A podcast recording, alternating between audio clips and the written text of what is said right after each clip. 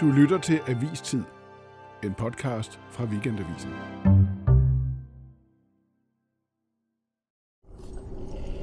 Ah!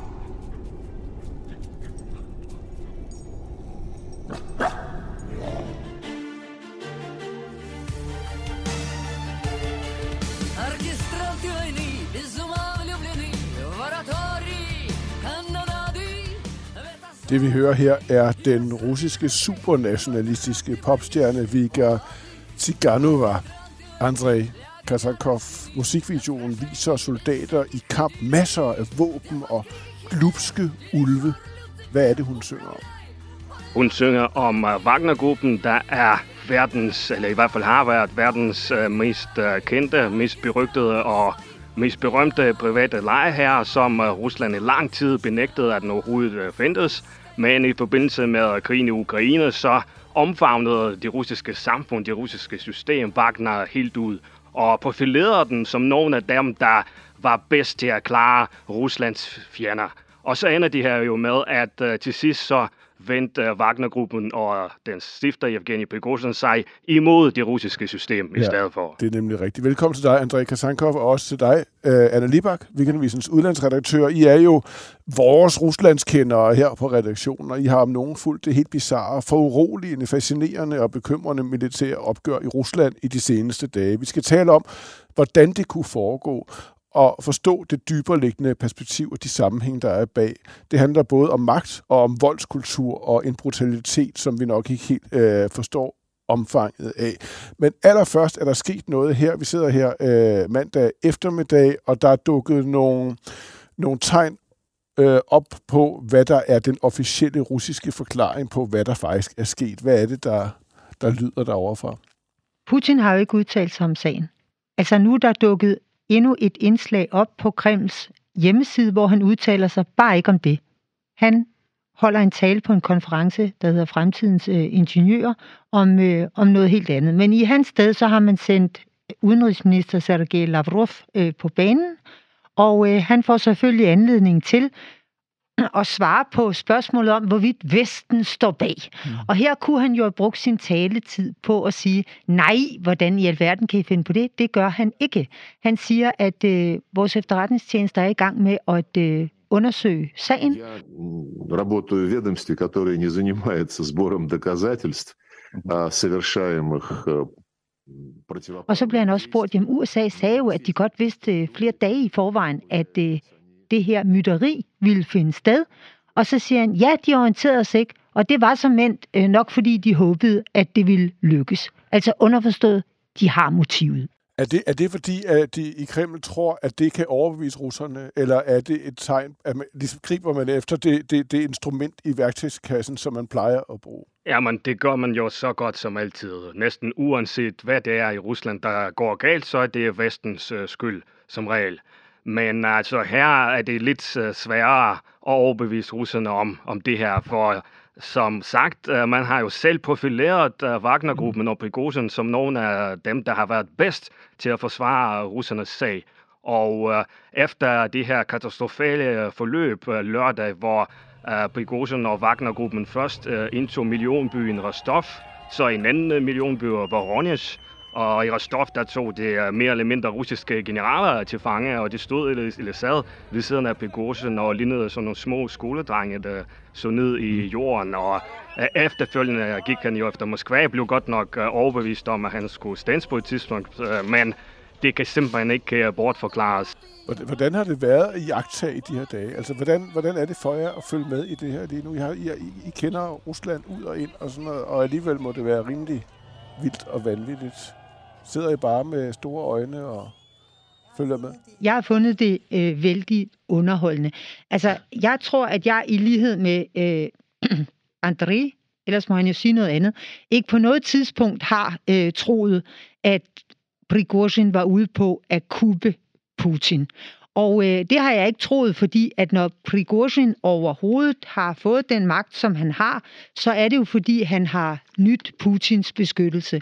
At han kunne indtage Rostov-na-Donu, hvor det sydlige militærdistrikts hovedkvarter ligger, det skyldes, at ingen tur at røre ham øh, øh, fra de regulære styrker, fordi man frygtede, at Putin ville blive sur. Og derfor har du den helt barokke situation, at FSB går ud og siger, Altså Sikkerhedstjenesten. ja til hans mænd, vi er ikke nok arrestere ham. Det er virkelig barokt. Mm. Altså, hvorfor sætter de ikke Nationalgarden til at arrestere ham? Hvorfor sætter de ikke Forsvarsministeriets tropper til at arrestere ham? Hvorfor gør de det ikke selv?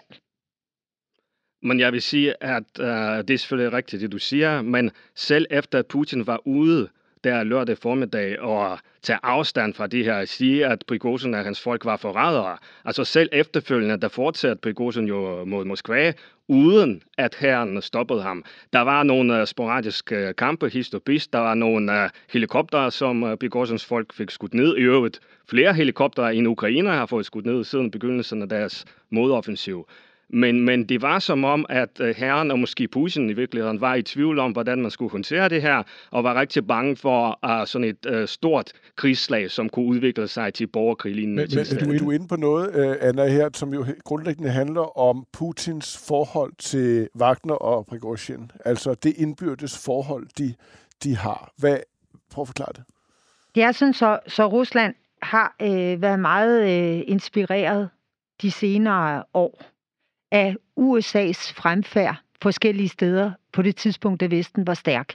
Og når Wagner overhovedet bliver stiftet, så er det fordi Putin bliver inspireret af USA's øh, opførsel i Irak, hvor man jo entrerede med private sikkerhedsfirmaer som Blackwater. Mm. Og øh, det gav nemlig den fordel, man kalder det plausible deniability, hvor den amerikanske regering havde mulighed for at sige, hvis, øh, hvis Blackwater gjorde øh, ting, som, øh, som blev kritiseret i vestlig presse, at det er ikke vores ansvar, det er private styrker, der opererer der. Altså den gråzone, man kan ikke øh, stilles til ansvar for, hvad de laver, man har øh, sat til at løse opgaven. Så Putin han fik også lyst til at få sig en, øh, en privat øh, leje her, og, øh, og den stiftede han så i forbindelse med øh, angrebet på Ukraine i 2014, og gradvist har den så vokset sig større og er blevet indsat i en lang øh, række lande, ikke mindst i Afrika og Mellemøsten. Men, men hvorfor, hvor, altså gradvist større, men hvordan har den kunnet vokse sig så stor og,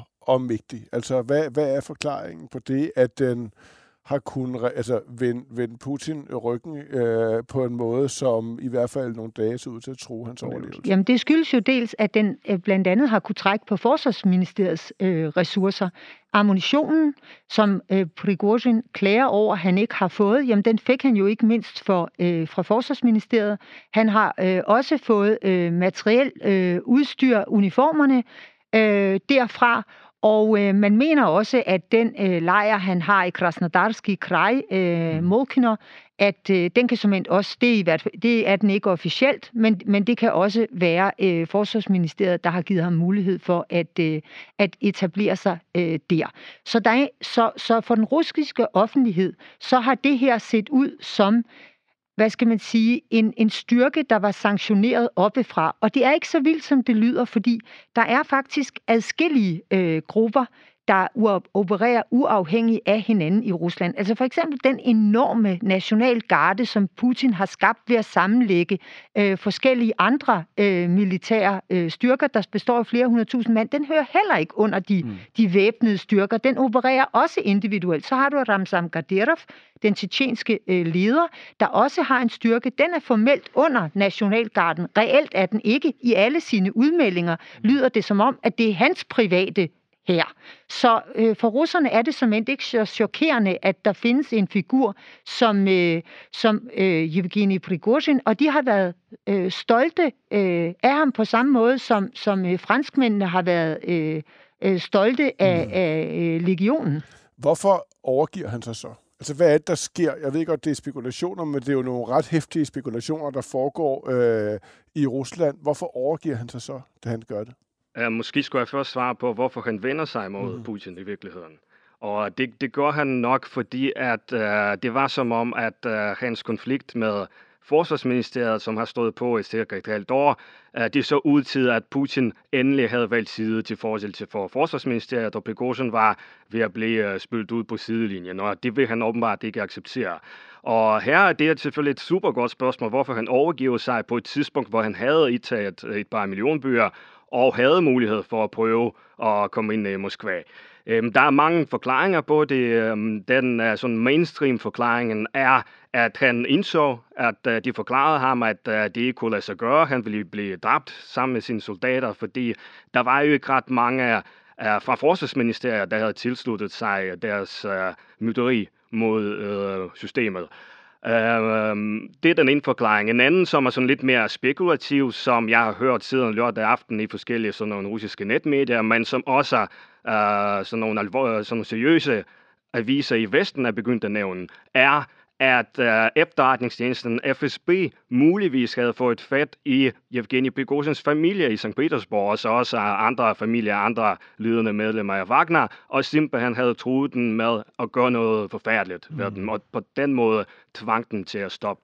Og det, det, er, det, er vel ikke helt, det, er, det er vel ikke helt uplausibelt, at der kan være sket noget i den retning. Det er det bestemt ikke. Altså, jeg tror, at det var oplagt for den at gøre noget i den stil, men altså, hvordan skulle vi kunne verificere Ja. det her fra Danmark? Det er det... virkelig svært at være sikker på det. Det, det her, det, vi ser jo altså, altså ekstrem magtudfoldelse øh, øh, i, i Rusland i de her dage. Og Anna, du siger jo en gang imellem, der er nogle ret grundlæggende ting, vi ikke forstår ved Putins greb om, om magten. Altså det, at han inkarnerer riget øh, på en måde, som også reflekterer det, der er sket her den sidste, den sidste, øh, de sidste 3-4 dage. Hvordan?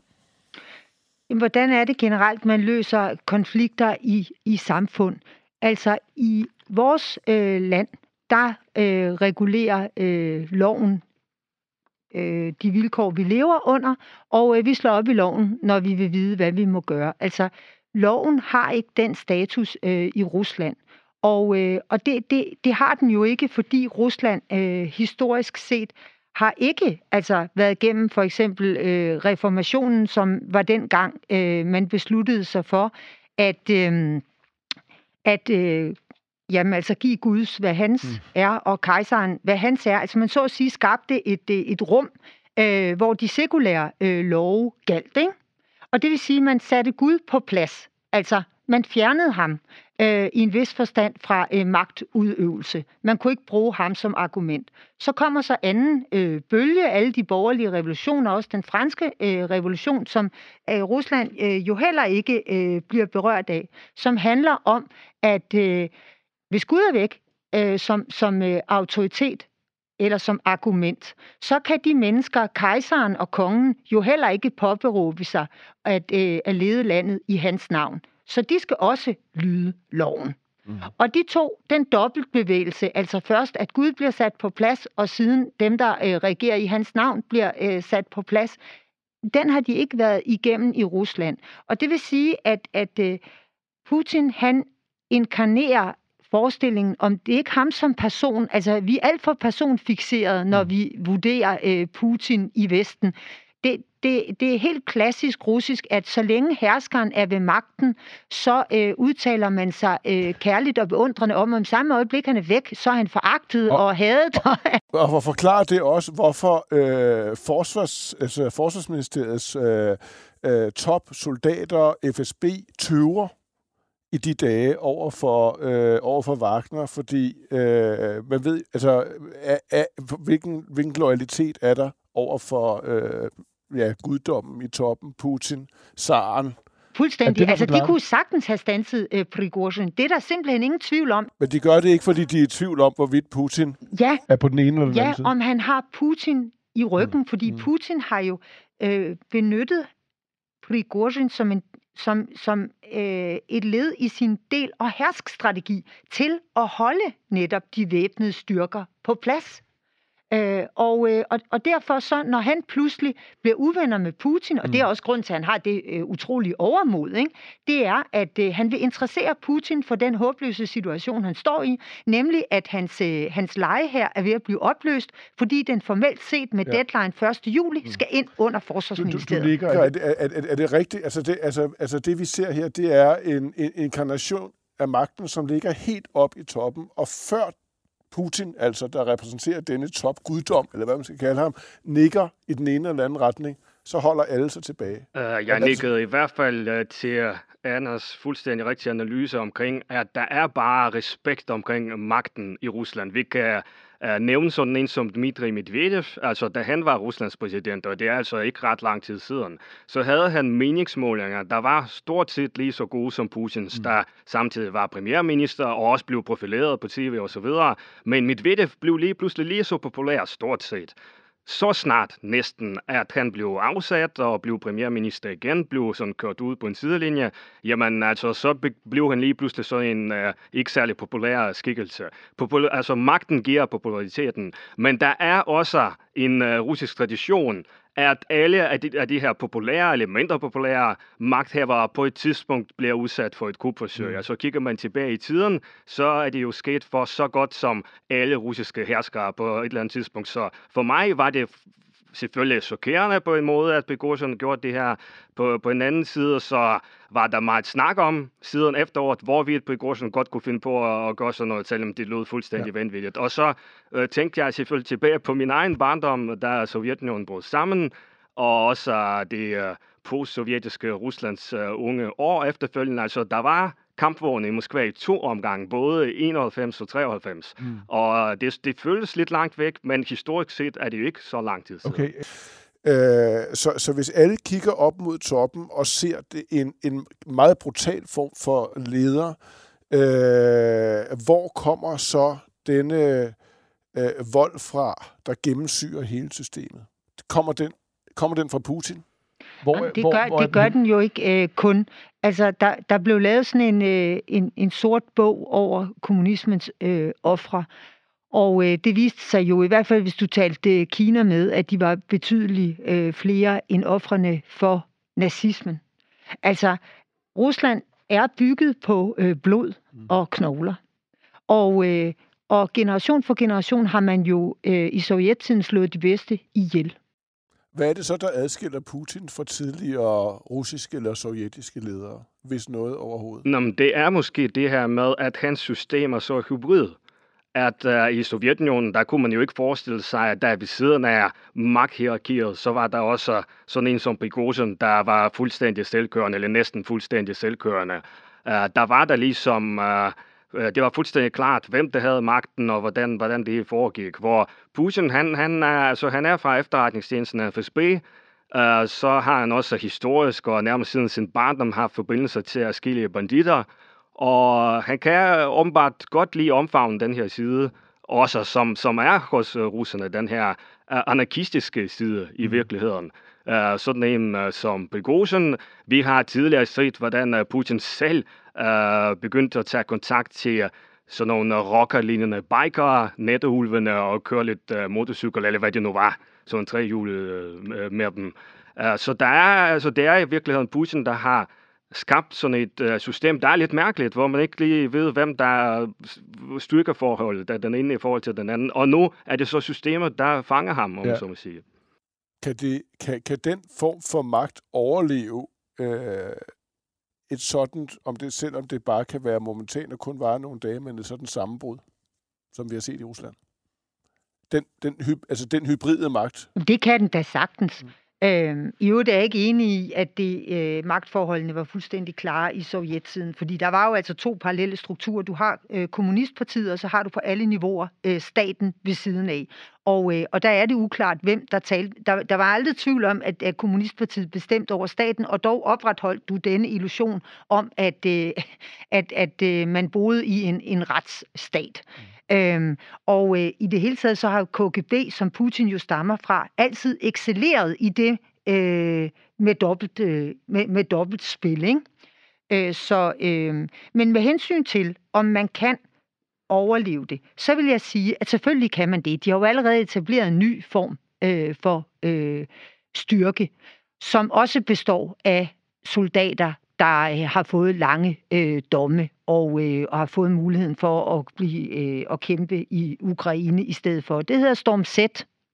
Og, øh, og det er formentlig fordi, at, øh, at de har planlagt at opløse øh, Wagner, så har de øh, stadig brug for nogle øh, brutale straffefanger, øh, som, øh, som kanonføde i Ukraine. Så de er ved at, at skabe nogle enheder, der hedder øh, Storm Z. I skal lige høre et klip fra et tidligere interview med Putin. Det handler ikke om den konkrete situation, skal jeg lige sige. Men øh, Putin bliver spurgt, hvordan han forholder sig til tilgivelse. Prøv lige at høre. А вы умеете прощать? Да. Но не все. А что невозможно простить? Предательство. Вы так жестко сказали. Hvad er det, han siger? Han bliver spurgt til, om, uh, om han kan tilgive, om han har evnen til at tilgive. Så siger han, ja, det kan jeg. Og, men ikke alt. Mm. Hvad, hvad er det, du ikke kan tilgive, bliver han spurgt om. Forræderi, mm. siger han. Og det har han sådan set sagt mange gange, at uh, forrædere det er det værste, der overhovedet findes. Det er værre end fjender. Og vi har set ham uh, forfølge dem, som han har opfattet som forrædere. Det kan være det er sådan nogen som Litvinenko og Skripal, tidligere russiske agenter, der har vendt sig mod systemet, som er blevet forgiftet i Storbritannien for eksempel. Men hvor stiller sagen sig så med det perspektiv et mente lige nu i forhold til Putin? Har, er, hvor svækket er han? Det er jeg meget i tvivl om i virkeligheden. Altså, øh, hvor, både i forhold til de magtbaser og magtstrukturer, der er omkring ham, og i den russiske befolkning. Det er der også grund til at være i tvivl om, fordi at uforudsigelighed og uvidshed, det er jo en af magtens øh, komponenter. Jeg vil bare sige, jeg tror, at denne gang, der har Putin overspillet sine kort, og det her vil givetvis øh, svække ham, fordi han er jo øh, afhængig af, at øh, de øvrige magteliter, de frygter ham. Og det er klart, at når sådan en som øh, Prigozhin, han marcherer mod Moskva, og det faktisk resulterer i, at der dør mellem, nogen siger øh, 20, andre øh, siger øh, 12 øh, piloter, øh, som sad i de helikopter, og det ene fly, der fulgte den kolonne frem til de 200 km før Moskva, hvor den stansede. Og når øh, borgerne i Rusland også hører om, hvordan veje blev gravet øh, op, hvordan at asfalten massevis af asfalt i gaderne blev ødelagt af bæltekøretøjer i rostov na nu når Putin har holdt en, præs, en, en tale om, at det bedrag, det forræderi, den kniv i ryggen på os, det vil blive øh, hårdt straffet. Og når Prigozhin har siddet og sagt, at det ikke rigtig NATO truer os, det er ikke derfor krigen begyndte, det er ikke rigtigt, at Ukraine øh, truede os. Nej, det var kun fordi, at øh, de militære eliter øh, ville have nye områder og berige sig. Hvis så ikke Putin slår til søren og får straffet Prigozhin, så har Putin altså et forklaringsproblem, også selvom han som zar ikke i princippet ikke skylder nogen svar på noget som helst. Lad os lige prøve at koble den konkrete situation med en dyb historisk bevidsthed. Det er jo vores speciale på Weekendavisen. Hvad er det, der vælter Saren i sidste ende? Jamen det er jo, hvis, øh, det er jo, hvis han gør en latterlig figur, og hvis øh, Rusland øh, bliver svækket. Altså øh, for eksempel så kan man sige, at øh, februar- og oktoberrevolutionen var, øh, var måske ikke sket, hvis ikke Rusland havde tabt øh, den russisk-japanske krig i, i 1905, øh, hvor der i øvrigt også var en mislykket øh, revolution. Der lykkedes det ikke. Flere år senere lykkedes det så. Så øh, jeg, jeg vil sige, øh, og Gorbachev, så han svag ud. Ja, han så svag ud. Så kom der et kupforsøg øh, mod ham. Så var det mislykkedes, men så var der en anden en, der så stærk ud, som vandt en magtkamp med ham, og det var, det var Jeltsin. Men jeg vil også sige, at jeg er fuldstændig enig i det, men så vil jeg også sige, at det er faktisk også, når man undervurderer sine modstandere. Det, det er meget typisk for, uh, hvis vi tager sådan en som uh, Kerensky, der havde magten i Rusland efter zaren, han undervurderede helt sikkert uh, Lenin, uh, som så endte med at overtage magten. Tager vi Gorbachev, jamen det var ham, der bragte uh, Jeltsin til Moskva fra øh, Uralbjergene. Og altså, på et tidspunkt, hvis vi, hvis vi bare spoler tiden tilbage fra 91 til, lad os sige, 88, altså, der var Gorbachev jo, der stod han virkelig, virkelig stærkt øh, i Sovjetunionen, men, men han kunne ikke holde på det, og så, så kom øh, Jeltsin og øh, var den stærke øh, til sidst, i stedet for Gorbachev. Jeg kunne også godt tænke mig at tilføje, at i et demokrati, der har du fredelige magtskifter. De er mulige. Det er de jo ikke i et autokrati. Så derfor, hvis du vil have afskaffet, hvis du vil af med herskeren på tronen, så er der kun den mulighed, enten revolution, folket, eller også, at en af eliterne sørger for, at han træder tilbage eller myrder ham. Og helt kort til sidst. Hvad siger det om os og krigen, Rusland og Ukraine, at vi i nogle dage hæppede på en psykopat af en militsleder, i det håb, at han kunne stoppe Vladimir Putin? Det siger, at vi holder øh, med ukrainerne, og at vi håber på, at det russiske regime bryder sammen. Tusind tak skal I have. Både André Kasankov og Anna Libak. Programmet var tilrettelagt og produceret af Birgit Nissen Petersen. Jeg hedder Martin Krasnik. Tak for nu.